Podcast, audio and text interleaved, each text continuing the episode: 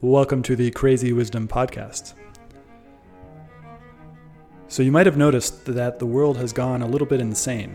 Um, and to get through this in a way that is sustainable and maybe even joyous, we are going to have to find some crazy wisdom, uh, which is why I named the podcast Crazy Wisdom. And I try to find guests who are both contrarian and right, uh, as well as people who can help us to understand how we can get through this period of both acceleration as technology accelerates and maybe even a little bit of darkness uh, as well as some of you may have been noticing really crazy stuff is happening right now. So um, my goal with this show is to empower you with crazy wisdom uh, and give you the tools to figure out how to do it on yourself because we don't can't rely on too much these days. Uh, so with that being said, if you like what I'm offering with this show, I'm on Twitter at Stuart Alsop III. My DMs are open. I'd love to hear from you about how this show has affected you. Thanks. Have a great day. Welcome to another podcast. This time it's a collaboration with me and Woody, uh, who I've interviewed once and he's interviewed me before. His name, name of his podje- podcast is Courage uh, Over Convention. Uh, and the name of my podcast is Crazy Wisdom, and uh, both kind of uh, very uh, sounds like the, both of those things are are very uh, I don't know collaborative. What's the best word for that? Yeah, kind of heady and collaborative. I think. Yeah, both describes. Yeah. So uh, welcome, and let's get started because you want to talk about free will, and I'm I'm imagining that you you know are on the other side of the camp from me uh, and I, am not even very clear on my own thoughts on uh, free will, but I'm yeah, we glad could very well be, We could be inhabiting the same camp then, my friend. I'm not convinced one way or the other, but uh, yeah, I, have uh, just to kind of relate this back to you know a conversation we had on your show um, that really focused around Alfred Adler you know who who pushes folks to overcome insecurity you know develop a deeper deeper sense of connectedness and and sort of redirect one's lust for um, significance and impact into more socially beneficial directions uh. you know at the core of that idea is you know teleology which in spirit is this sort of indeterminist um, pro free will um, behaviorist to use uh, sapolsky term uh, type of a type of an outlook, and it, it is a bit at odds with you know some other thinkers that I'm inclined to agree with on some points. You know the the four horsemen of uh, new atheism, you know, like uh, Daniel Dennett and uh, Sam Harris and and the like. Um, but uh, you know, I, I, think there's actually room. I think there's room for some free will and and room for God even um, within the context of a more determinist outlook, just to kind of give my view right there off the top. Mm. Um, mm. A lot of this, a lot of this, um, you know, in, in kind of re-researching one of my favorite uh, uh, philosophers, uh, David Hume, and kind of where he stands on the issue. I often find that I stand pretty close to him on, on most things, um, and th- this case was was uh, a little bit different in that he's a compatibilist um, and kind of kind of supports this creed that um, you know, as, as Arthur Schopenhauer once said, you know, uh, man can do what he wills, but cannot will what he wills. Um, so it's it's sort of like your motive is determined, right? And your your your uh, and yet the, the sort of the nature uh, the nature of that motive's manifestation is not determined. Um, That's what I get the sense is that there's this so you know like drug addiction or um, anything that we do that we don't want to do um, that we know part of us knows isn't isn't a good idea for us to be doing but we do it anyway. Um, and I, I, don't think there's a human on this planet who is is is out of that. I think i think it's kind of a a, a very well distributed thing. And so like when anybody tries to change their behavior they're not wishing for them to stop doing it they're wishing for to get the like not have the desire to do it basically because the only problem is the desire in the moment to do it it's not mm-hmm. really the doing it part it's like that that thing in your head that pops up and be like oh but but what if i what if i smoke a little bit of this now or what if i and it doesn't it's not only for substances either. It's like it's also for identities. So mm-hmm. um, you know, anger or in identities run on emotions. Like there's like an emotional flavor of the identity that we we adopt and stuff like that. And so when it when it comes to free will and kind of agency or anything like that, for me personally, just through my own experience, when I consider these things that I don't, you know, like eating certain foods or something like that, it's not it's not so much the food that's the issue, but it's like this this whole emotional ego complex. And for me, uh, a kind of a convention or a heuristic or a, a helpful attitude that I take is basically that it's it's just like it's like sur- surrendering that to lack of a better word, God, um, and uh, that's the only free will there is, basically. And and you know, and when I talk about that, a lot of people have maybe negative reactions to because they think that I'm trying to sell them on this idea of God and this belief structure, and, and it's it's not really that. It's like it's just like uh, something more powerful than me, and that's you know that's sort of God as the cosmic mystery, as opposed to mm. God as the you know the lawgiver and the writer of rules. Is that mm. what you're driving at? Or yeah, that, yeah. that's right. Yep. Yeah, that's interesting. I, I, I tend to um, side with you in in, in that. Um, I think if Hume Hume stuck to his guns more in terms of you know him being a skeptic, which he seems to faithfully apply that framework to all other spheres of discussion. Uh, he would he would take more of a position of hey look you know, if, if as Sapolsky says, you know, free will is simply biology that has not been discovered yet. I, I listened to that link you sent me. That was a great, great little talk there. Um, if, if that truly is the case, um, you know, that's one thing, but that's, uh, that's a faith structure in and of itself. Um, simply by saying it's beyond the realms of biology, but it will someday be within the realms of biology, is is uh, there's no grounds to believe that, and it's you know David Hume has said you know about gravity. There's no proof that you know you throw a ball up in the air next time it's going to come down, um, and yet he does not apply it in this case, and frustrates me a little bit because uh, you know I've always admired uh, Hume for his sort of meat and potatoes type outlook on on philosophy, but um, I, I, I, I tend to side with you in that you know sure the box the box has been reduced in terms of what free will can mean um, by the likes of Robert Sapolsky, you know, who goes from you know seconds beforehand where you know I love how he organizes his book where it's you know seconds beforehand you know it, it's up to you know how high is your testosterone how much energy is your your uh. um, glucose is your brain getting you know, things of that nature. And then, you know, hours before, it's even more to do with your testosterone, cortisol, you know, oxytocin levels. Uh, and then, you know, even prior to that, it's cultural influence. And he kind of, that book, it just gives you the whole freaking, you know, uh, kitchen sink in terms of what goes into our, our, what seem to be our uh, uh deliberate decisions um, and so, yes, I mean, I, I have to admit that uh, folks like Sam Harris and, and others who, who find no no room for uh, anything but determin, determinism and, and you know saying for, for the listeners out there that it's simply the the philosophy that you know everything is causal and uh, uh and free will simply doesn't exist.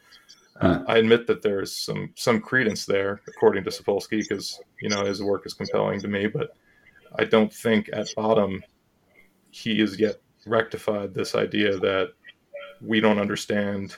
Uh, we don't understand uh, what is it the uh, qualia. You know, we don't we don't understand what the you know quantum f- mechanics in full. You know, there's there's boundaries of, of biology that we're we haven't yet uh, crossed into. So, and we, so we, this this brings up something really interesting for me.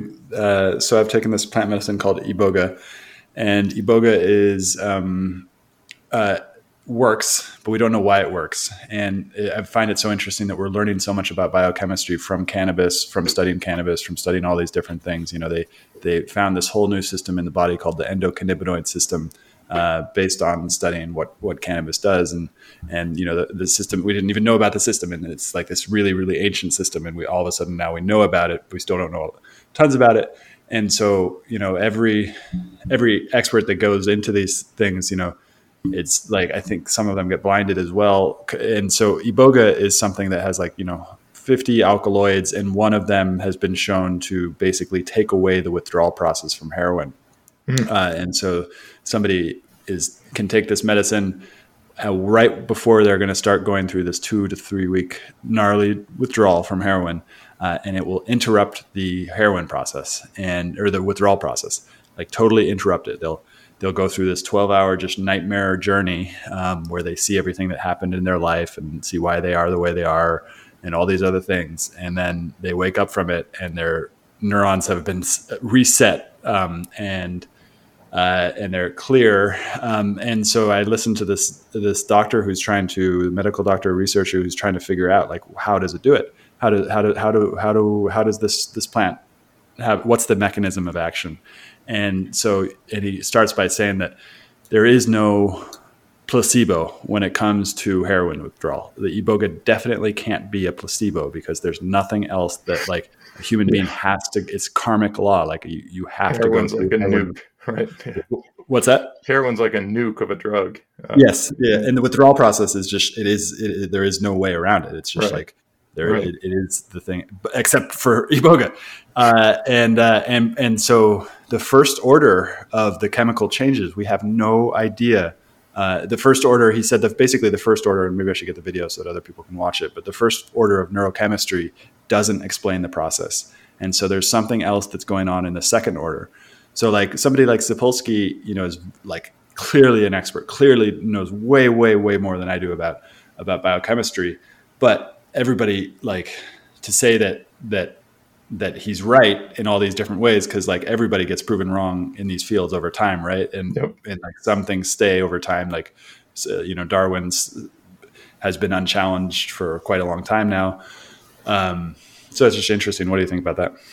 No, I totally agree. I mean, that that just adds additional credence to uh, my prior point about you know something that's beyond the frontier of our understanding.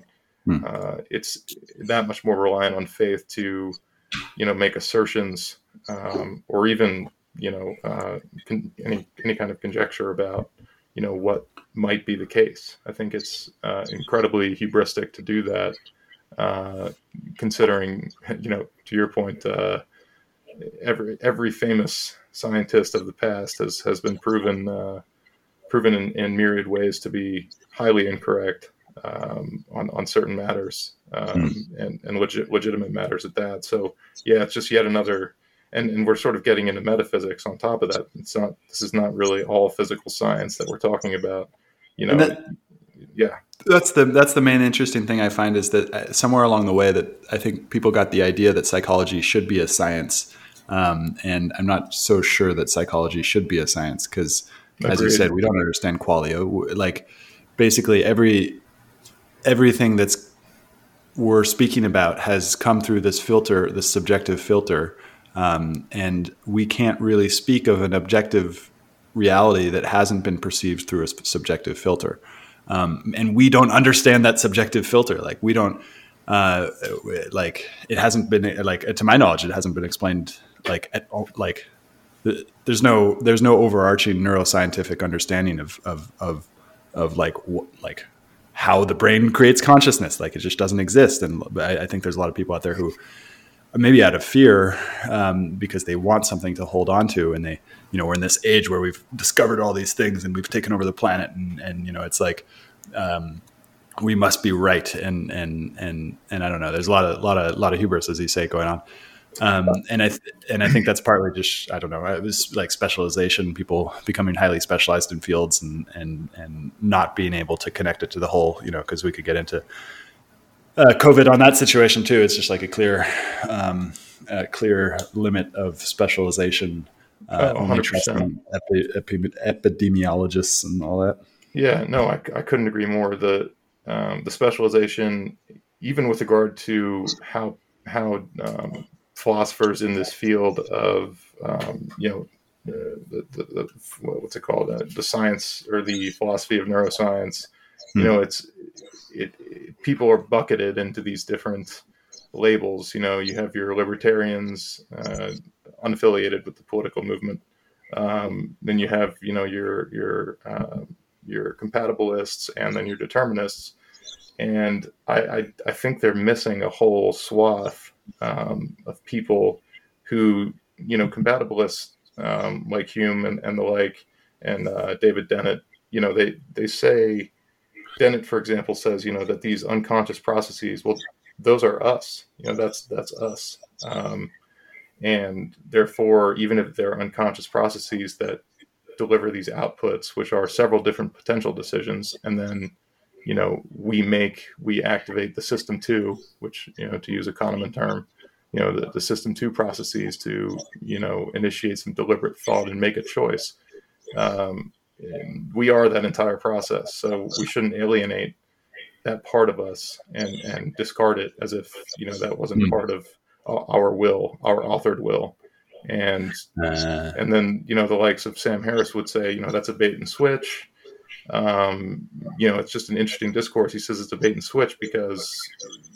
yes, for example, you know, we are stardust, but we don't feel like stardust. And the argument isn't about whether we are unconscious processes; it's whether our will is really free, and and our feeling of free will is what we mean when we talk about free will. So. it gets into the minutia of defining, uh, first of all, what we mean by free will, and it's it's uh, made all the more difficult by this. To, to your you know comments about over specialization, I think it, ex- it, extends into the field itself.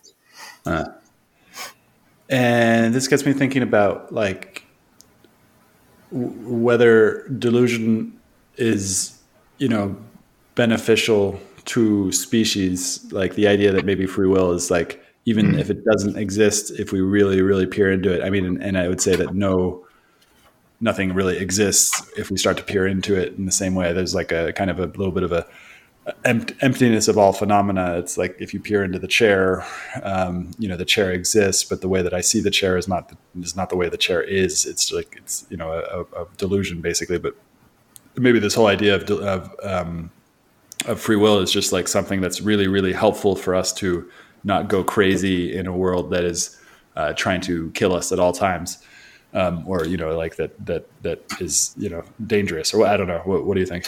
Yeah it's a very uh, sort of Hoffman uh, mm. you know the, the, case against reality. Um, you know some of the the spirit of what he wrote in that book you you kind of touched on there and I, I totally agree with you. It, it, it makes it makes the conversation you know all the more frustrating for me in in sort of a well more all the more interesting to me rather uh, and but I, at the end of the day it makes me want to throw my hands up and say look I don't know. Um, and I, I'm, I remain hopeful, um, you know, that, uh, that, that, you know, I have volition and I have agency in, in, in some, uh, in, in some significant w- uh, way.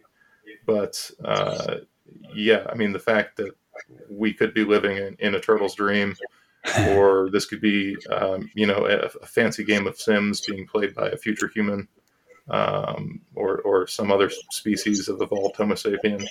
Um, these are all possibilities that we, we can't disprove. So all of this and, is an enormous faith structure. It all is. And it, and it seems like you're, you know, you're similar to me in the sense that you want to kind of come to the truth of the matter.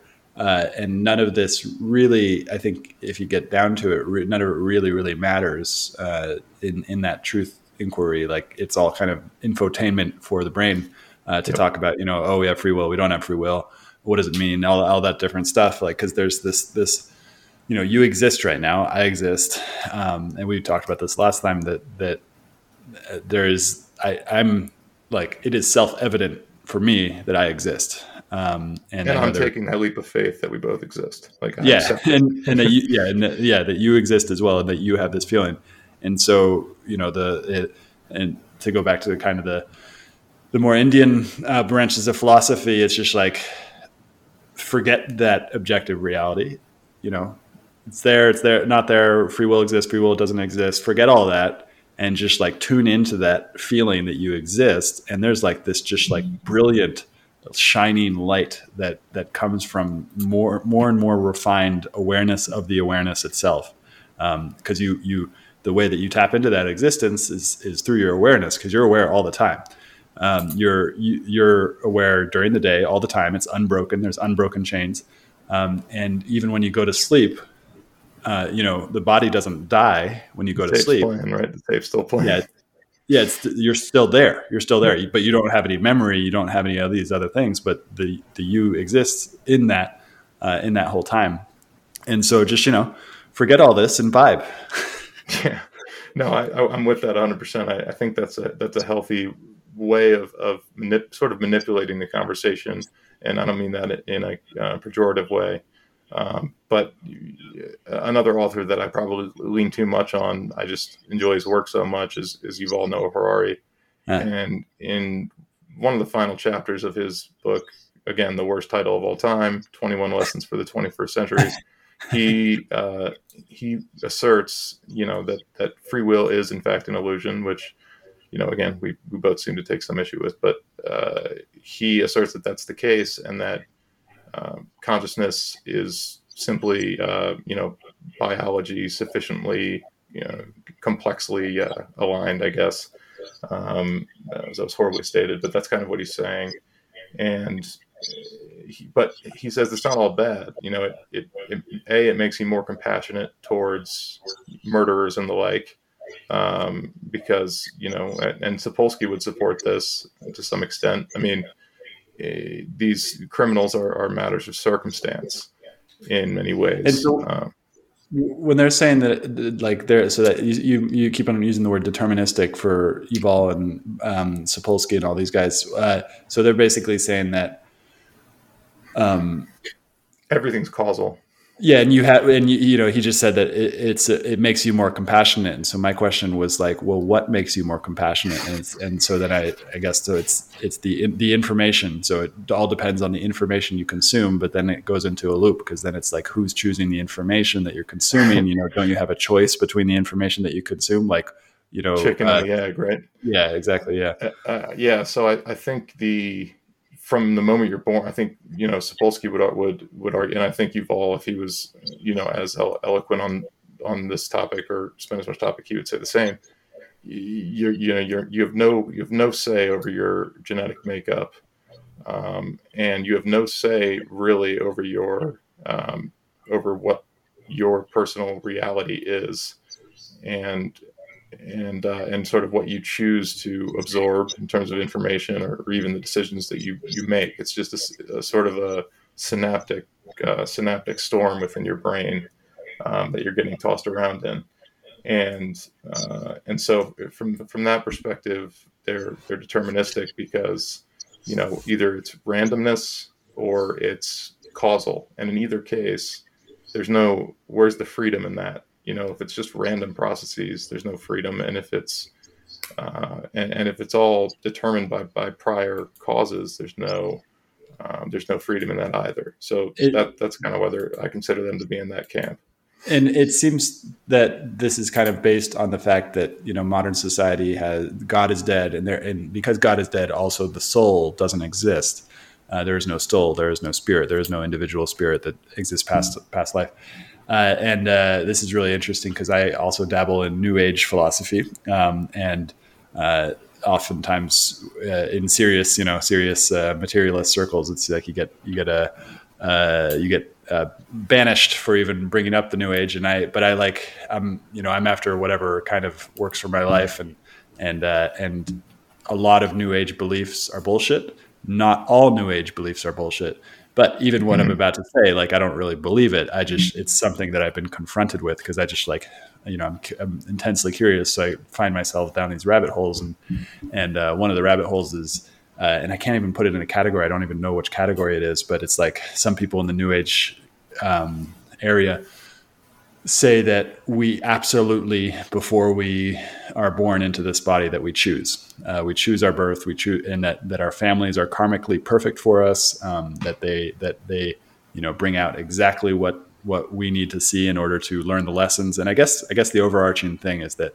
that it, you know what is the point of life and these guys would say basically that the point of life is to learn and evolve um, and uh, and uh, and but that the, the, I think the, the main posit is that there is an individual soul that gets reborn uh, uh, over lifetimes and they're they're based the uh, I'll even give the the name of the author is I feel a little bit um, uh, I don't know because it is the new age, and I come from this materialist community, and that I've now declared seppuku against, and uh, um, and kind of sacrificed my, a lot of my relationships based on COVID. And so the author is named David Hawkins, and he uh, wrote this book called Power versus Force, um, and uh, the difference between power versus force, and and uh, and and then it's a part of a trilogy, which which is is is pretty good, but it's also pretty trippy. Um, and uh, so you know, it's like the the soul basically, you know, they, they like they believe that everybody gets or that everybody has a point at which you know they they die in the past life, and then they they um, they basically choose. So we choose which place we're going to and the idea is is that we when we really get down to it our inner nature the self or no self uh, is awareness. And this awareness is god. Um, and so uh, uh, in, at our true nature we are uh, unlimited perfect beings. Uh, but we want to experience imperfection. So we come down uh, and we want to experience imperfection and ignorance about our own perfection uh, so that we can appreciate per- perfection more. Um, and uh, and so then uh, and uh, and so then we go through these lives, and then and then that's the awakening thing is that some people get you know totally truly see the awareness the awareness of the awareness and stay with that until they become totally saturated in it uh, for their entire lives and that's what somebody would be in a fully awakened being um, and so this is the kind of new age thing that that is like wouldn't even be taken seriously in in any sort of uh, uh, Sam Harris discussion because it would just be kind of laughed out uh, before before it goes. Which, we don't fucking know. Weakness, Nobody which is a weakness of his. Yeah, um, it's, a, it's, a, weakness of anybody who's stuck in the materialist framework. Great. And I mean, and but that's the whole in group out group thing. It's just like it's it's you know we always make in groups. Um, and it's like even though we've shown through 2,000 years of history, the more you do the in-group thing, it's like. But Sapolsky gets into this too, and I've learned a lot from Sapolsky about about um, the when we're speaking from like the dorsal lateral prefrontal cortex, then cognition holds sway, and then we're really, really much more compassionate towards the outgroup. Uh, but when we're in the intuition, the the VM gets right to the amygdala, right? And yep. uh, yeah, the shortcut yep. he talks about. I thought that was a fascinating um, uh, exploration as well. I, I, wanted to. I didn't mean to jump in. I, I wanted to touch on something you you said, which I I um, I think you know in talking about in talking about you know the soul um, and, and, and sort of whether the soul exists. I, I, think there's room for for frankly for atheists, for agnostics, for and Catholics, for any kind of Christian, you know, any faith structure, um, and they all are faith structures. Uh, I think there's room for all all of them because I I don't think it a I don't think it matters to the determinist's view whether a soul exists because uh, you wouldn't have chosen the soul. So you're sort of you're sort of a victim of circumstance, regardless. Um, but I think what they fit. So there's all this focus based on sort of choice generation. Um, mm. What leads up to our final decision, and there's there's not enough focus on the holes in the actual execution of the choice itself. Uh, uh, and I think that to me is where there's tremendous room for free will, for God, um, in in both the in both the cosmic mystery sense, or or you know perhaps in the in the lawgiver sense. Um, hmm. I you know I think nothing can be ruled out because of the, the, the holes in that that kind of edge of, of, of biology um, biology. Um, and you know I, I, haven't heard a convincing argument to the contrary. Um, so it's it's just kind of interesting how these these um, these really smart people they they really are just in this this cat fight over something that to me answers a tenth of the question. You know, uh-huh. um, it does it does you know bring to light the distinct um, probability in my eyes that we're not free in the sense that we think we are and we're not free in the sense that we, yeah we're not free in the sense that we perceive we're free on a day-to-day basis yeah. Um, you know, when we're not in in a deliberate thinking mode like you and I mm-hmm. are right mm-hmm. now. You know, I can think about this for maybe five seconds at a clip, um, and and I do notice that I'm actually more altruistic, um, and I, I feel lucky for for you know what I've achieved as opposed to like it's somehow I deserve more. You know, Um, it's a, I'm a matter mm. of circumstance, and and if I had a tumor pressed up against my amygdala, I'd be a violent criminal, you know. Mm. And there's no, it's just a roll of the dice, and so it does make me more compassionate, and I can mm. manipulate this feeling in a in a self-serving way when I make a mistake. I can say, look, mm. I, cu- I couldn't have chosen otherwise. That presupposes that I have agency over you know my options uh, the options that come to mind. And and I, mm. so I can use both sides of the argument and I kind of cheat. I, I I don't have any problem with cognitive dissonance apparently. Um, so that's that's just a, a, tip for being happier for for those out there. Be a uh, you know just use it use it when it makes sense but uh, don't obsess about it this kind of gets into something that's really interesting about certainty because I feel like the wrong people are certain, and the the the the the people that we want more input from are uncertain. But I think everybody sh- could do with a little bit more uh, epistemolo- epistemological uncertainty, because mm-hmm. um, you know, like we have our actions throughout our day, and those actions end up becoming who we are uh, and you know whether we have free will or we don't have free will it's like we still have like actions about like whether we pay for the the the trash to and you know come and pick up the trash or what, all these all these like little things that we just have to kind of do. Um, and so for certainty for those things certainty in this in the sense of like what tasks i need to do for for the day and maybe even like you know like uh, into terms of career and other things like that. When we face these big decisions of like um, do I hire this person? Do I choose this business partner? Um, these are like really, really big decisions that they're, they're, it's like, but then once we make the decision, then we've got to like, then we got to follow through with the decision. And then it's like these cascading um, kind of just like doors that we pass through. And, you know, we don't, we never know the other person. Like we're, we're, we're like, this is something I think a lot about is like the, the metaphor for, uh, predators as humans because now we don't face any animal predators. We only face predators in the human sense, and we re- and humans are really, really good. Some humans are really good at hiding who they really are, um, and and uh, you know creating false impressions, false names, false all these different things, and like doing some really gnarly shit and keeping that hidden from everyone. That's like like it's not really really common, but it is common in the business world. Mm-hmm. And and so it's like I just went in a whole bunch of random places that I don't really remember my point, but uh, there was a you know it's like so but with certainty. So it's like it's really bad sometimes to be certain, and it's really good sometimes to be certain. Uh, but I think we could all do with a little bit more uncertainty. I, mean, I think I think what, uh, all your supporting points were solid in that you're you're talking about how you know even even you know on an introspective basis, we're seeing the tip of the iceberg.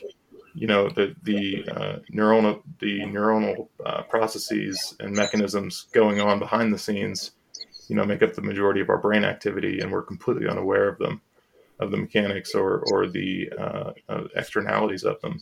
So to to to have hubris about uh, you know who other people are uh, on a base level um, and even who who you are yeah. on a really on base level is is is it's just um, well you haven't you haven't read enough books.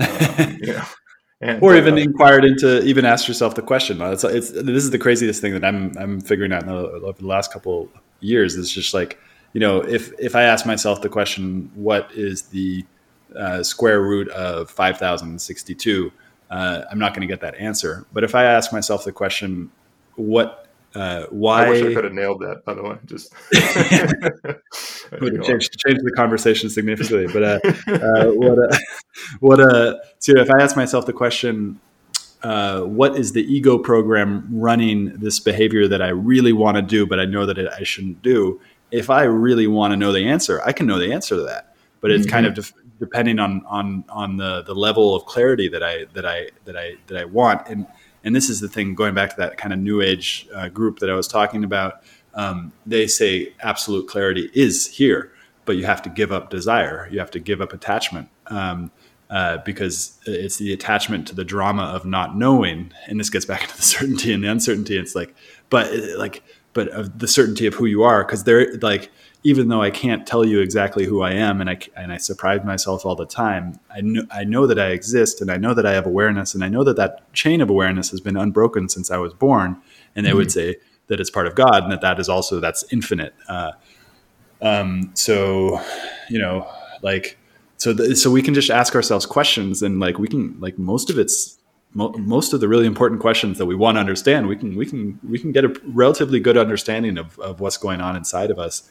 Uh, it's harder to get an understanding of what's going on in other people, but even then, I think there's some clarity as well. You know, people often often no matter how good they are are at hiding, uh, they are they also leave signals as well, uh, oftentimes unconscious. This kind of gets into other things as well as like how much can we turn the unconscious into the conscious and how much can we be uh, aware of our own shadow? Um, I don't know if you have any thoughts on that.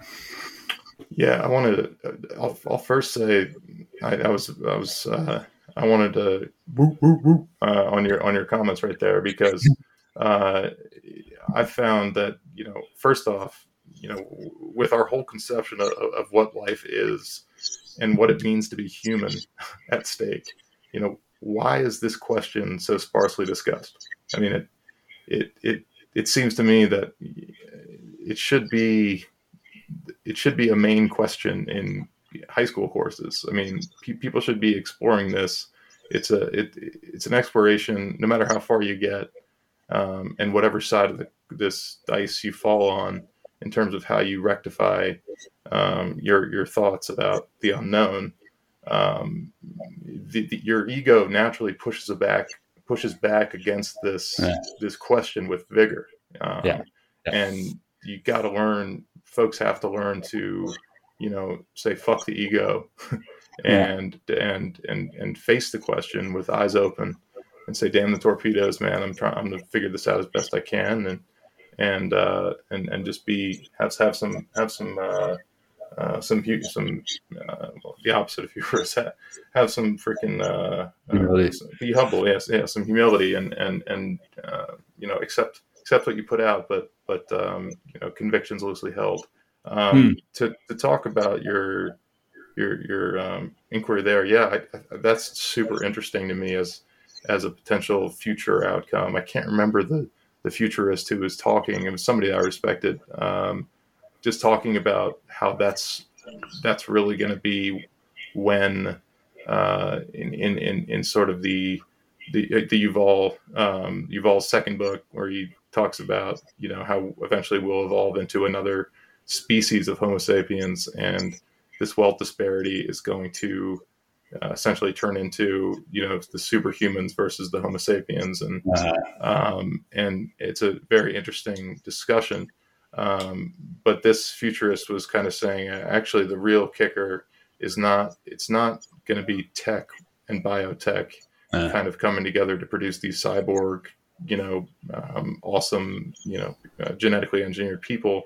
It's actually going to be that some people are going to have access to the subliminal in in profound ways that, that the rest of the population does not. So, uh, uh, and it was a compelling argument. I, you know, I, I, don't know much. I don't know nearly enough about well, it's really uh, funny because I wasn't I wasn't talking about technology. I was talking about like in this process that Adler and Freud and all these mm-hmm. other guys kind of came up with, and also some of these New Age people as well. That um, uh, you can you can do it right now if you want to. And actually, iboga is like one of the best medicines for that. They, the the Bwiti, the people who who discovered it and turned it into something, are uh, call it um, uh, the greatest hunter for the truth. Uh, and let me tell you that that 12 hours, I, I, didn't do it for drugs. I did it for psychospiritual, what's called psychospiritual investigation into the nature of my own being. And uh, those 12 hours kind of incontrovertibly show you that the nature of reality is not at all what what what we are told led to believe by uh, and so like there, there are ancient technologies that are like plant based um, and also psychotechnologies that are that psilocybin and, and yeah. yeah, yeah. And, and but and also just you don't need any of that either. You just have to want to know the truth. Um, and uh, and but want, wanting to know the truth it's like that's a it's a it's a big thing because once you know the truth you can't go back. There's there's there's it's like the curiosity killed the cat. Like um, uh, once you know, once you really, really know why you do those things, you stop doing those things. Um, and uh, at least that's in my my experience. Um, and so, but but then you brought the technology into it, which kind of adds another layer to it. Um, and I, it would be my humble uh, guess that those of us who practice these things, who get really really solid on our own epistemology, um, will be able to handle the technolo- the stress from adopting that type of technology. Um, and uh, that because uh, it, it, goes back to the human again because it's like i think i think about this a lot of all these technologies that i use in my everyday life which ones that enhance my life which ones take away from my life um, you know i've now developed a way of using twitter for myself that works really well Other you people, been, you, have been a thought leader in that space to be honest it's definitely a nation yeah. a nascent kind of a topic and uh, you, you've said a bunch of valuable things there just wanted to mention that what do you mean Oh, uh, just in terms of the stuff you've said on your on your podcast, um, mm. you know, I, I, was struck by the mm. profundity of of you know, simply saying that you use Twitter as a note taking device. Um, that was just that was just so uh, uh, you know, it just hit me as such such a unique and useful um, outlook. Um, it was just sort of a, a degaff, um, you know, but really, I mean, it's it's highly entertaining at the same time because yeah, people get access into your sort of stream of consciousness and your yeah. unfiltered views. You know, it takes a lot of bravery, and but you get maximum or, feedback or stupidity. Yeah, well, um. uh, no, well, you're you're you're uh, yeah, I don't know. You're, you're resulting on recent. Uh, uh, maybe recent discussions. But um, hey, man, you're you're you, you, live like an open book, and yeah. uh, I, I, I, certainly admire it. So this is something um, I've, been, I've, been thinking about because, uh, uh, and I just posted a video about it today, uh, which is so, you know, the book. The book was the main way that we've transferred knowledge for the last couple thousand years, um, and then that the, that technology has been improved, improved, improved. With you know, the printing press was kind of like a sea change for for that for that technology and it's you know came to the until the 1970s and the 1970s started this you know it was, it was called the actual the new age you know new age was was actually a publishing like a lot of the new age is bullshit because it was part of this new uh, kind of publishing of thought leadership which turned into all these magazines as well and like and like in the internet the internet's kind of part of that because it all came from the the these these hippies in Silicon Valley who were also experimenting with a lot of psychedelics and and so it's like um, and so, but the book now is is being rebundled um, into basically all all media because uh, it's like videos, podcasts, all these different things. And like right now, we're both treating each other as books. You know, I'm, I'm Ben. You're sitting in the on the East Coast. I'm on the West Coast, three hours away. Um, and we're kind of learning in this really unique way that opens up just like tons of avenues for for what learning really means. Um, Amen. And, Amen. It's, and that's it also, kind of, it was born with the Greeks, right? And and it's funny mm. how how cyclical that is. Uh, you know, the Socratic um, Socratic form of, of and Adlerian form of having discussions, um, you know, with not not necessarily like-minded folks. You know, we huh. we, de- we depart on on on topics in in material ways, but it's it's coming. You find common truths when you you know examine deeply and and and discuss openly and honestly. Yeah, I, I couldn't agree more. It's yeah, to me, it's the and that's going to.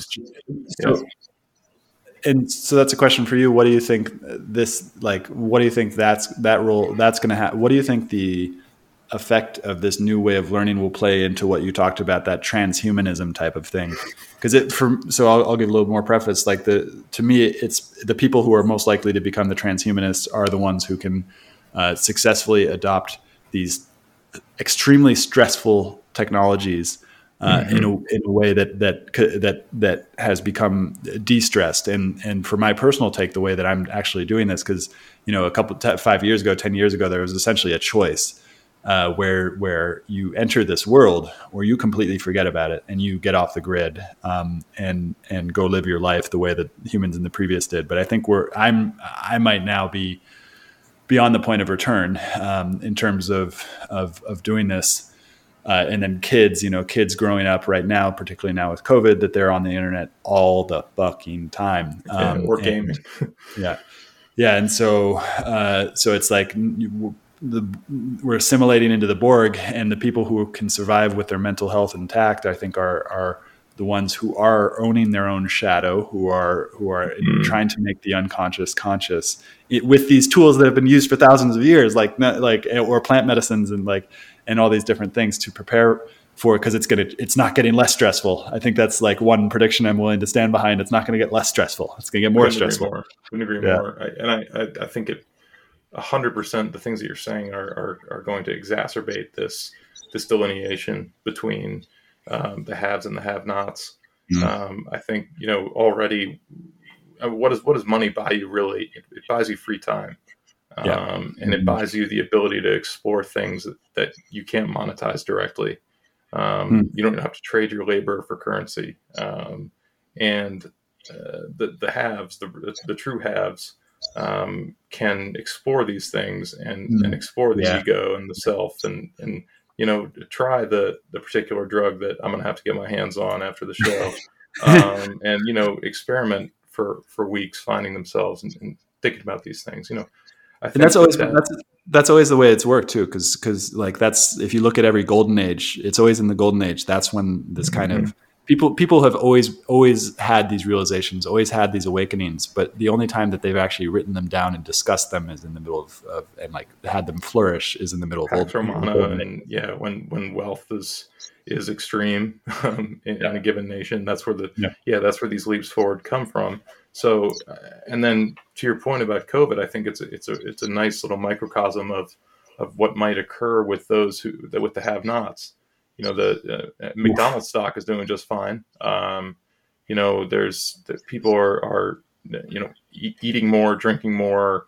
Uh, the video games, you know, yeah. uh, just off the charts. Uh, you know, I, was reading about porn usage, obviously, and uh, divorce rates, all the all this stuff. There's uh, strife with you know, mo- you know, monetary strife within families causing divorce. You know, these are these are these are time consuming and um, you know garbage in garbage out into your brain yeah. so i think there's those there's that element and then on top of that you know you talked about the stress of of absorbing the self con or the subconscious into the conscious um, yeah. i agree that that would be an immensely stressful um, exercise but those those halves you know the the, the bezos fuck you yeah. money guys you know genetic engineering baby you know bang bang there's there's stuff they can do to their brain or you know something. I'm, I'm so skeptical of it though. I'm so skeptical, you know, with the Zika virus um, when they started to kill all the mosquitoes, and then you know the mosquitoes came back in this in this crazy way. Like I am so skeptical that we think we will have as much control over the human um, evolution. We don't. We can't even the second order effects that like for iboga. We don't even know why, why it's doing the thing that we, that, that we we just know it's doing it. Right. And it's the same thing with every other medicine. It's like the the kind of like you know they're just like well this thing like it kind of works like doing this one random thing but we, we don't really know what happens long term you know we know that maybe the physical manifestations of this of the side effects are like these these things and you know it's probably a good thing but then like free will what does that do to our free will what does it do to our sensory experience um like i'm so skeptical that yeah i think rightfully so i think rightfully so i mean I throw, I throw that in as a second piece because it may it may come to fruition. You know, the all sort of uh, dystopian outlook,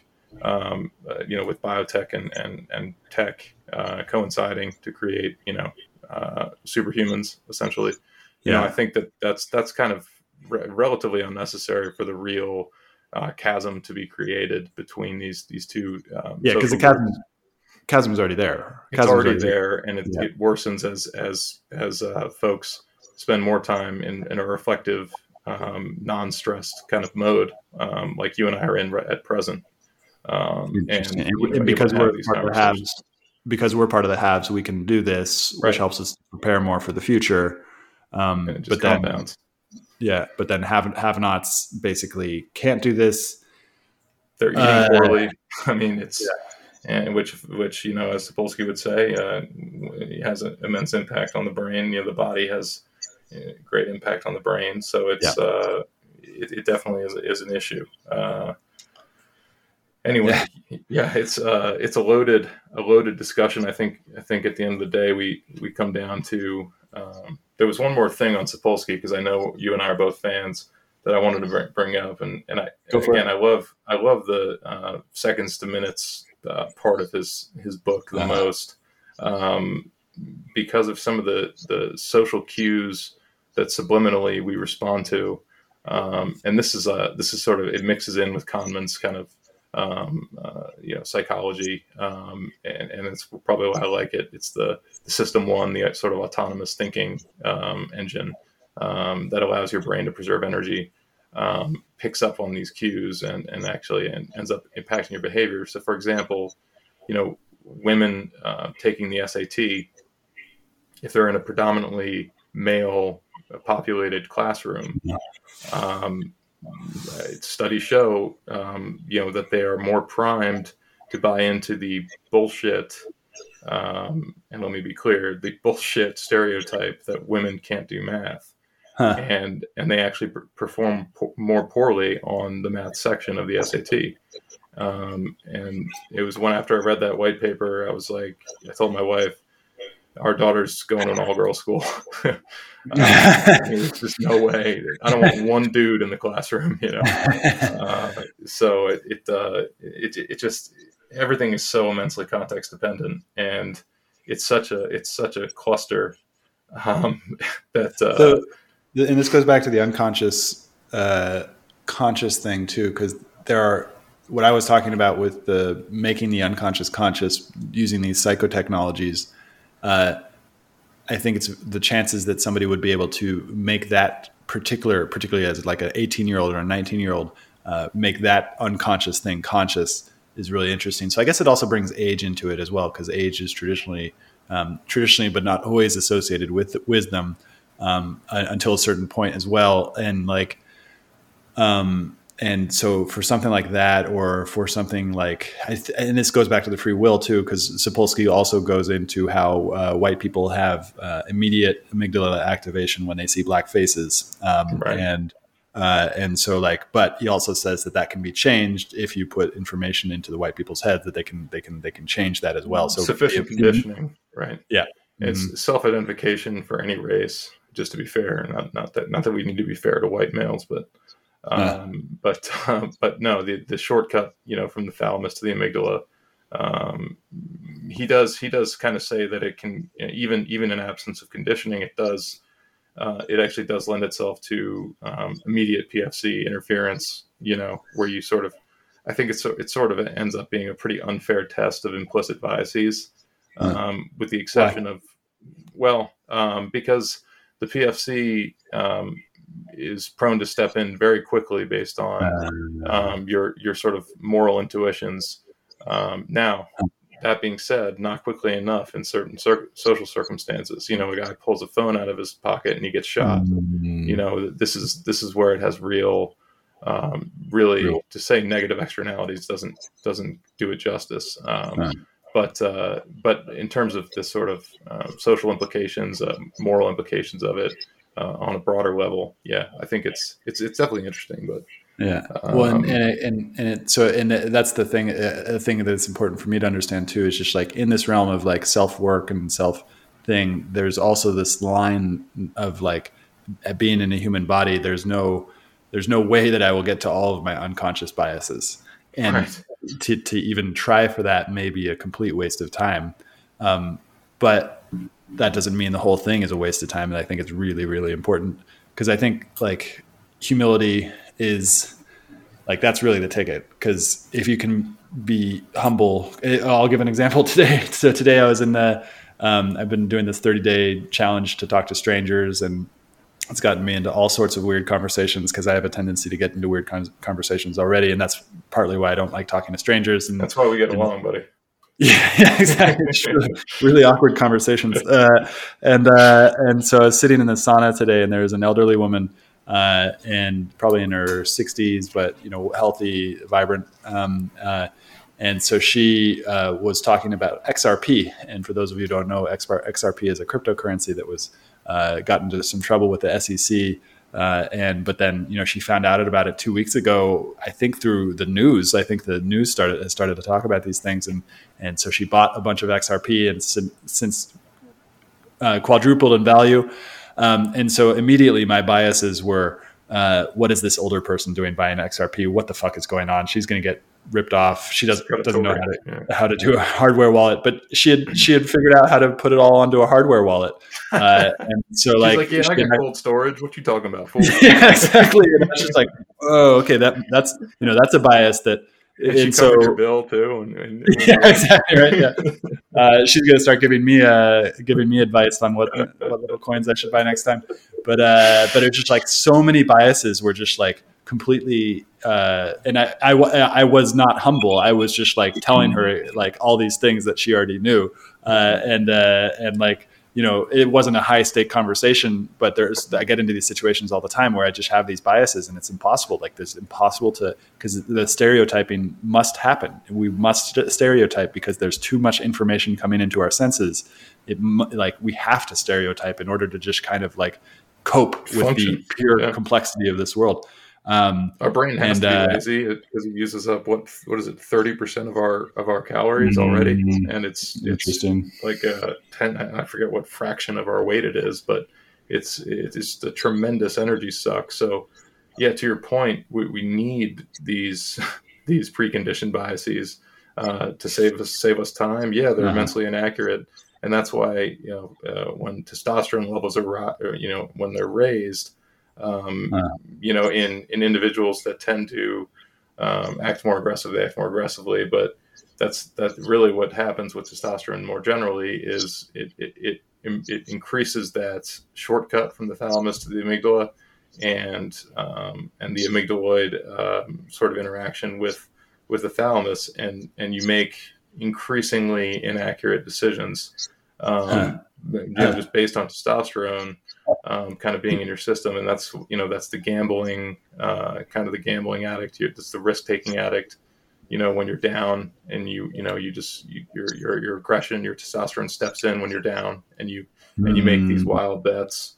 Um, so I, I want to. This gets into something I've always been curious about you, and we've never talked about it. We've always been like going off on weird philosophical tangents. But yeah. you you you you started a business essentially betting, right? Is it is it is it okay to say that, yeah. people? Who, I mean, it's a, it's it's a it's a um, it's an informed, you know, uh, in, somewhat more informed betting. It's not roulette, but it's it's more it's more poker than roulette. We'll put it that way.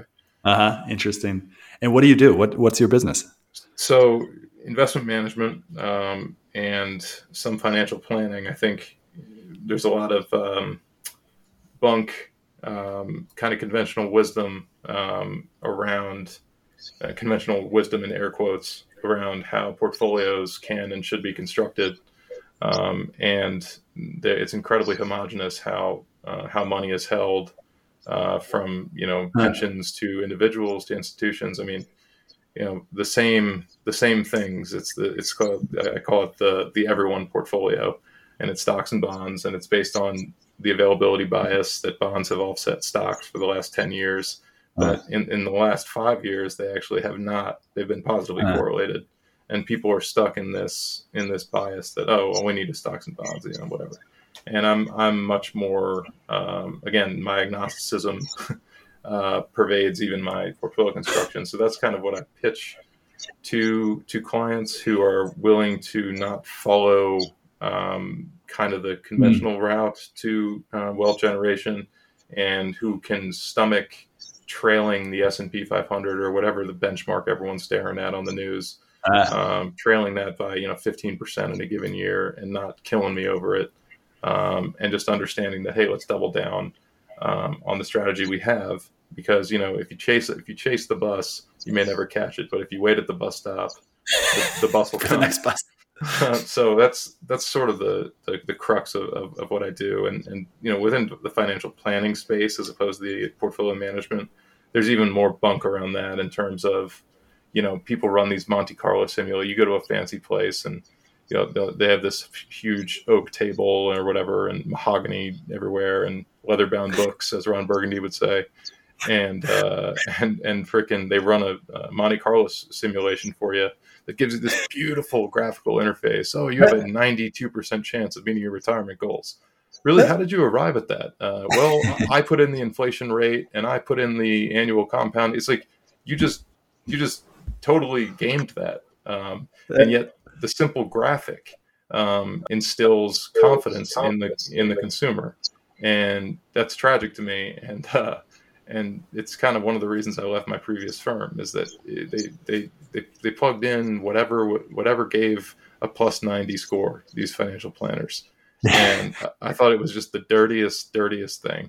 And uh, and so I, I, I don't uh, I don't do that stuff but I you know, I, I, focus more on tax and, and, and investment management. And so, so it seems like we're, we've we've been in a huge transition area where where the rules of the game for the last year since the probably the pandemic have have shifted because like to me, you know, as a non-expert, not even like like kind of just casually interested in this stuff, it seems like everything's like gone haywire since 2008 because you know like 2008 you you had a huge government injection both in China and the United States and Europe and everywhere. Permanent government policy.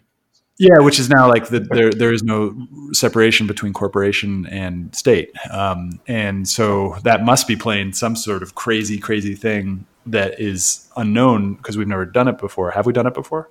Uh, it's it's never it's never manifested itself quite as uh, explicitly as as it has you know where, with yeah. Janet Yellen in the Treasury, you know, mm. coming out of the Federal Reserve um, there's complete alignment now between the Treasury and, and the Fed, which they're supposed to be completely different animals. Wow. And that that unholy alliance is really what I feel is going to lead. And this is just hey, this is my humble this is my humble um, assertion, or, or not even assertion, but I see it as a real existential risk that most people are not thinking about, and that is runaway inflation. Because mm. yes, um, everything's gone bonkers and people have tripled their money, quadrupled their money if they just rode the S&P since 08. Great. So then they ask, where's the inflation? Well, it's in your fucking assets, dude. Um, and, and, and that, that, that will trickle down a in a downturn, which is, could be caused entirely just from the tipping point of, of, uh, you know, some, some cognitive, there, there's no, there's, that's the other thing. There's never a catalyst. I hate, I hate when economists talk about, oh, you know, uh, uh, people are people are taking profits, profits. so the S and P was down.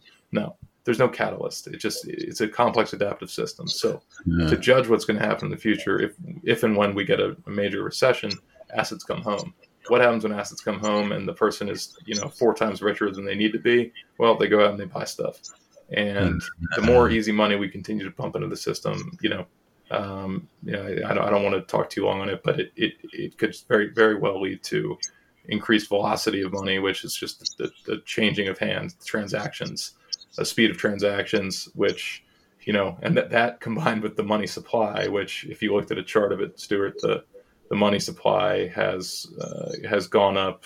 I mean, just exponentially. It's, it's sickening um, yeah. how much money is has, is now in the system. So that I, I think those those items, uh, the confluence of those items, you know, uh, could, could really be dangerous. And, and that's and, that's but these these wirehouses and these large uh, registered investment advisory firms with thousands of clients, most of which are bo- uh, elderly boomers. Um, uh. they don't care. I mean, and the owners are elderly boomers themselves, so they're clipping their coupons and they're freaking sitting back. They're playing golf in New Zealand um, and they're run, running the same models, you know, um, and they don't care if they're driving the train off the cliff because they'll be done. Yeah, well, and yeah, I saw something like the and when the boomers took over, uh, they had like something like you know sixty percent of their um, right. uh, of of the United States wealth, and millennials have four percent uh, currently. Right. Um, That's right. And, uh, and, and the picture you just the picture you just Gen is like you know a humble seventeen, but I'm like yeah. I'm looking at my older brother, and I'm like, screw you, man.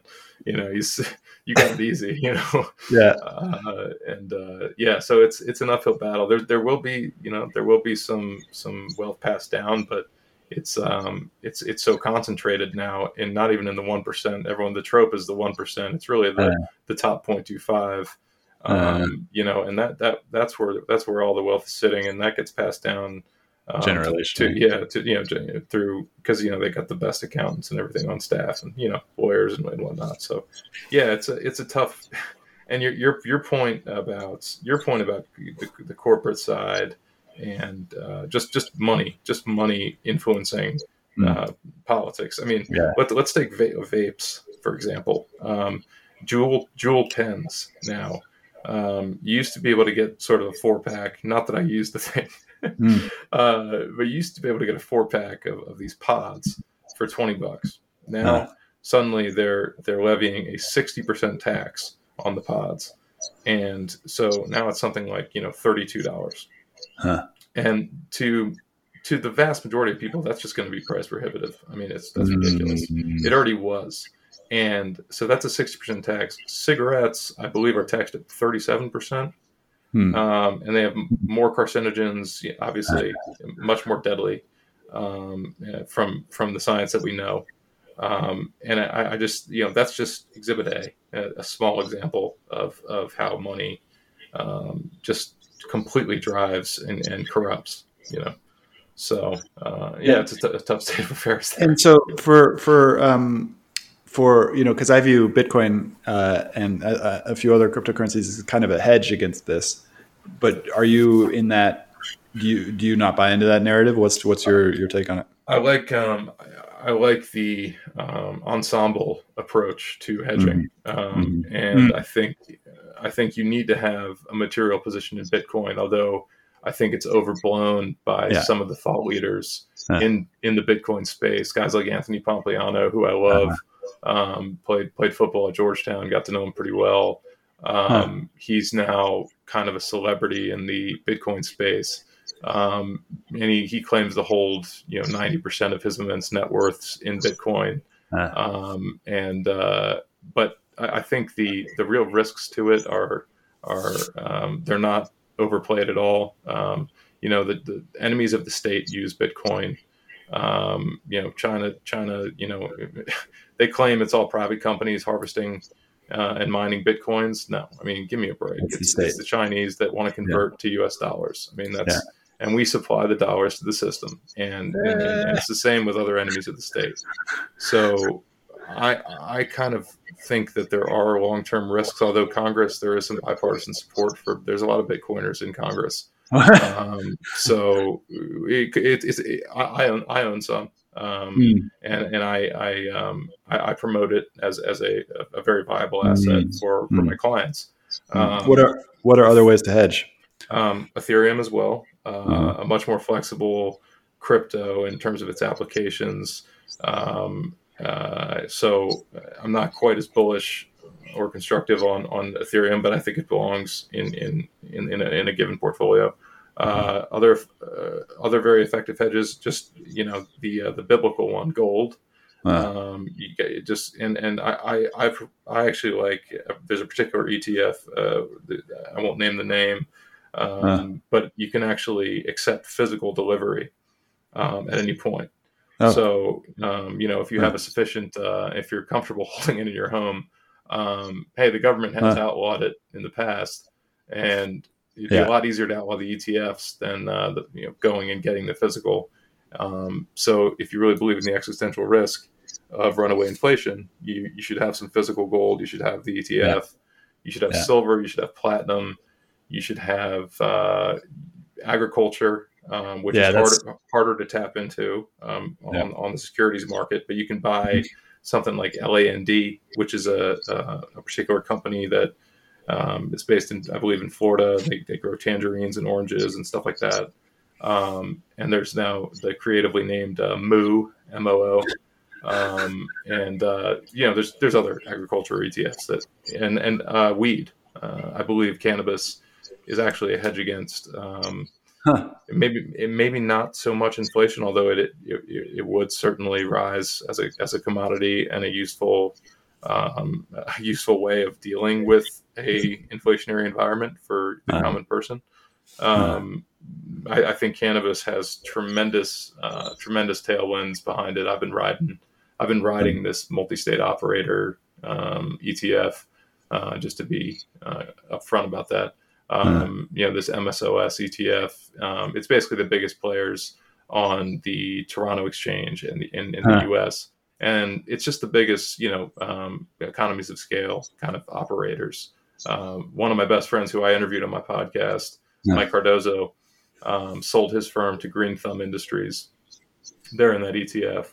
Um, and uh, yeah, it's, it's it's it's been going bananas. It's been there's been a pullback recently, and I've had a ton more because I just think, a we're going to need that tax revenue, man. mm uh, you know, every municipality mm is going to be just dying for tax revenue, And uh, and, and if, if if we think that the the the old Reagan war against drugs legacy is going to keep us from getting that paper, uh, people are mm. sorely mistaken. There's going to be a nationalized, unified, you know, wall on that stuff very soon. So, interesting. Yeah, those are some hedges. Um, you know, yeah. tip, you know, Treasury, uh, uh, you know, tips uh, as well, but uh, to a lesser degree. Anyway, it's uh, it, it, it's an ensemble. You know, you can't you can't can't make a it's it's these concentrated bets that that that drove me away from my previous companies. Oh, stocks and bonds. Well, hey, mm. what about mm-hmm.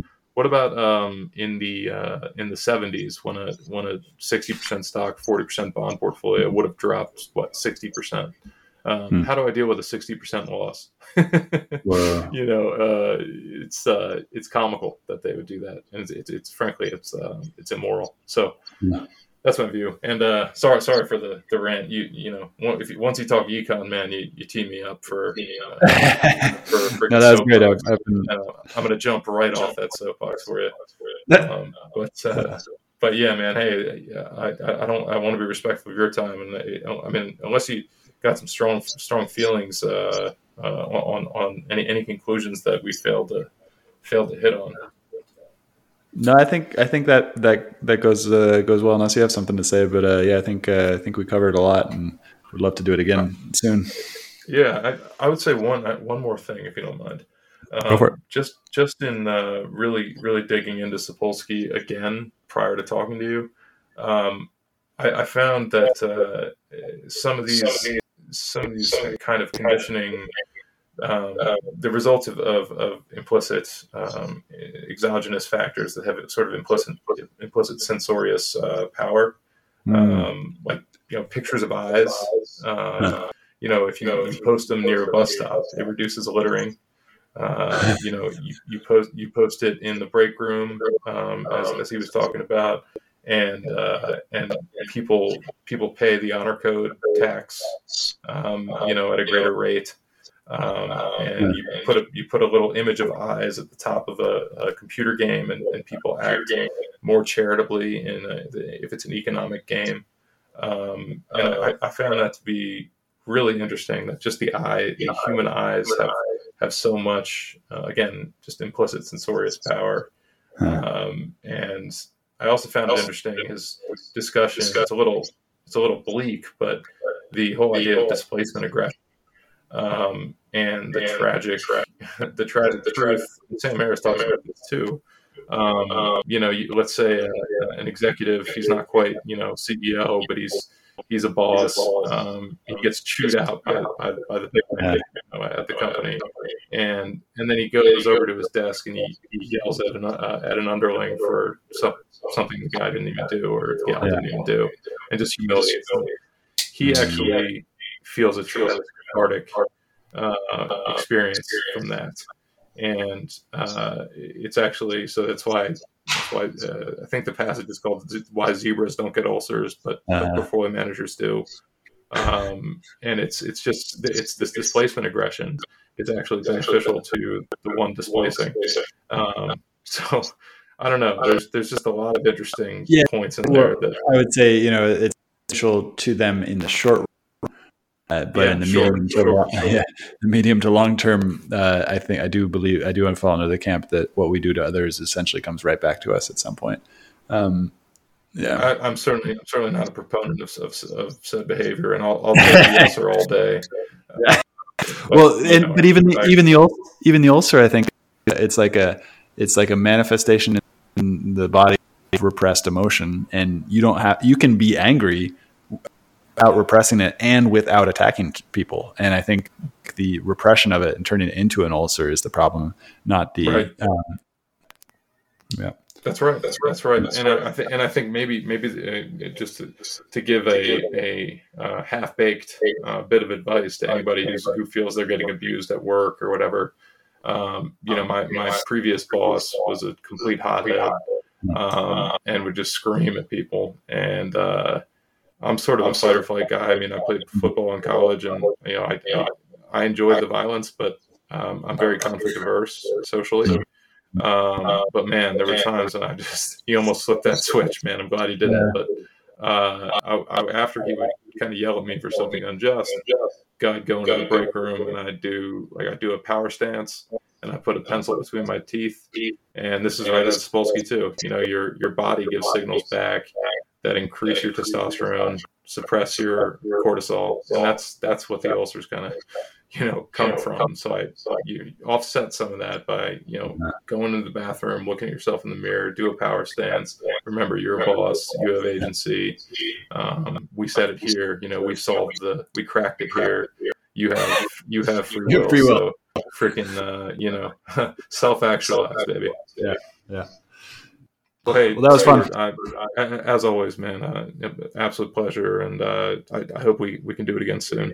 Yeah, let's do it again. All right, man. Uh, oh, yeah, and if anybody wants to listen to my podcast, it's called Crazy Wisdom. You can iTunes, Spotify, anything like that. Um, and, and, then uh, absolutely subscribe to that. Absolutely subscribe. And mine, mine is uh, choosing courage over convention. Um, and subscribe to Stewart's first. Thank you, Woody. Yeah, talk soon. Hope you enjoyed this episode. I'll be publishing episodes every Monday, Wednesday, and Friday in the morning. If you did enjoy this episode, please find us on iTunes, Spotify, Stitcher, many of the major podcasting platforms, and go ahead and give us a review.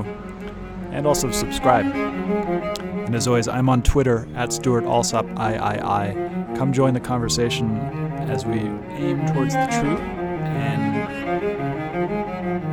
funny thing about truth is that you can't really put it into words because every time you put the truth into words, you create a linear narrative out of something that is nonlinear. The truth is nonlinear. It's not. It's. It's. If you really recognize the truth right now, your mind wouldn't know what to do. It'd be overwhelmed by beauty, pain, or it's it's something that is beyond our linguistic capability to represent. But that doesn't mean that the language isn't helpful. Language can point us in the direct, right direction, but it's it's not it's not the truth itself. And so come join this collective inquiry into the truth.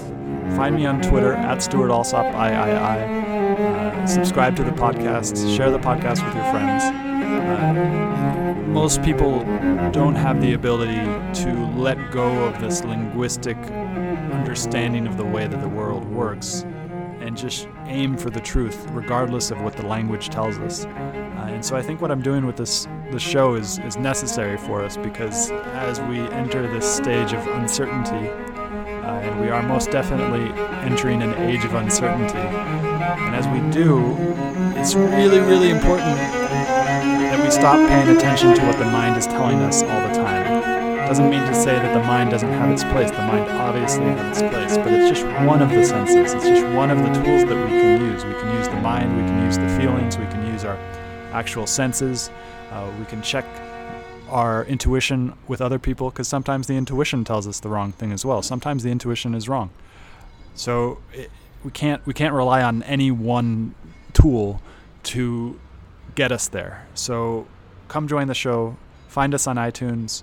Find us on Twitter at Stewart Alsop III. Uh, and come join the, this inquiry for truth.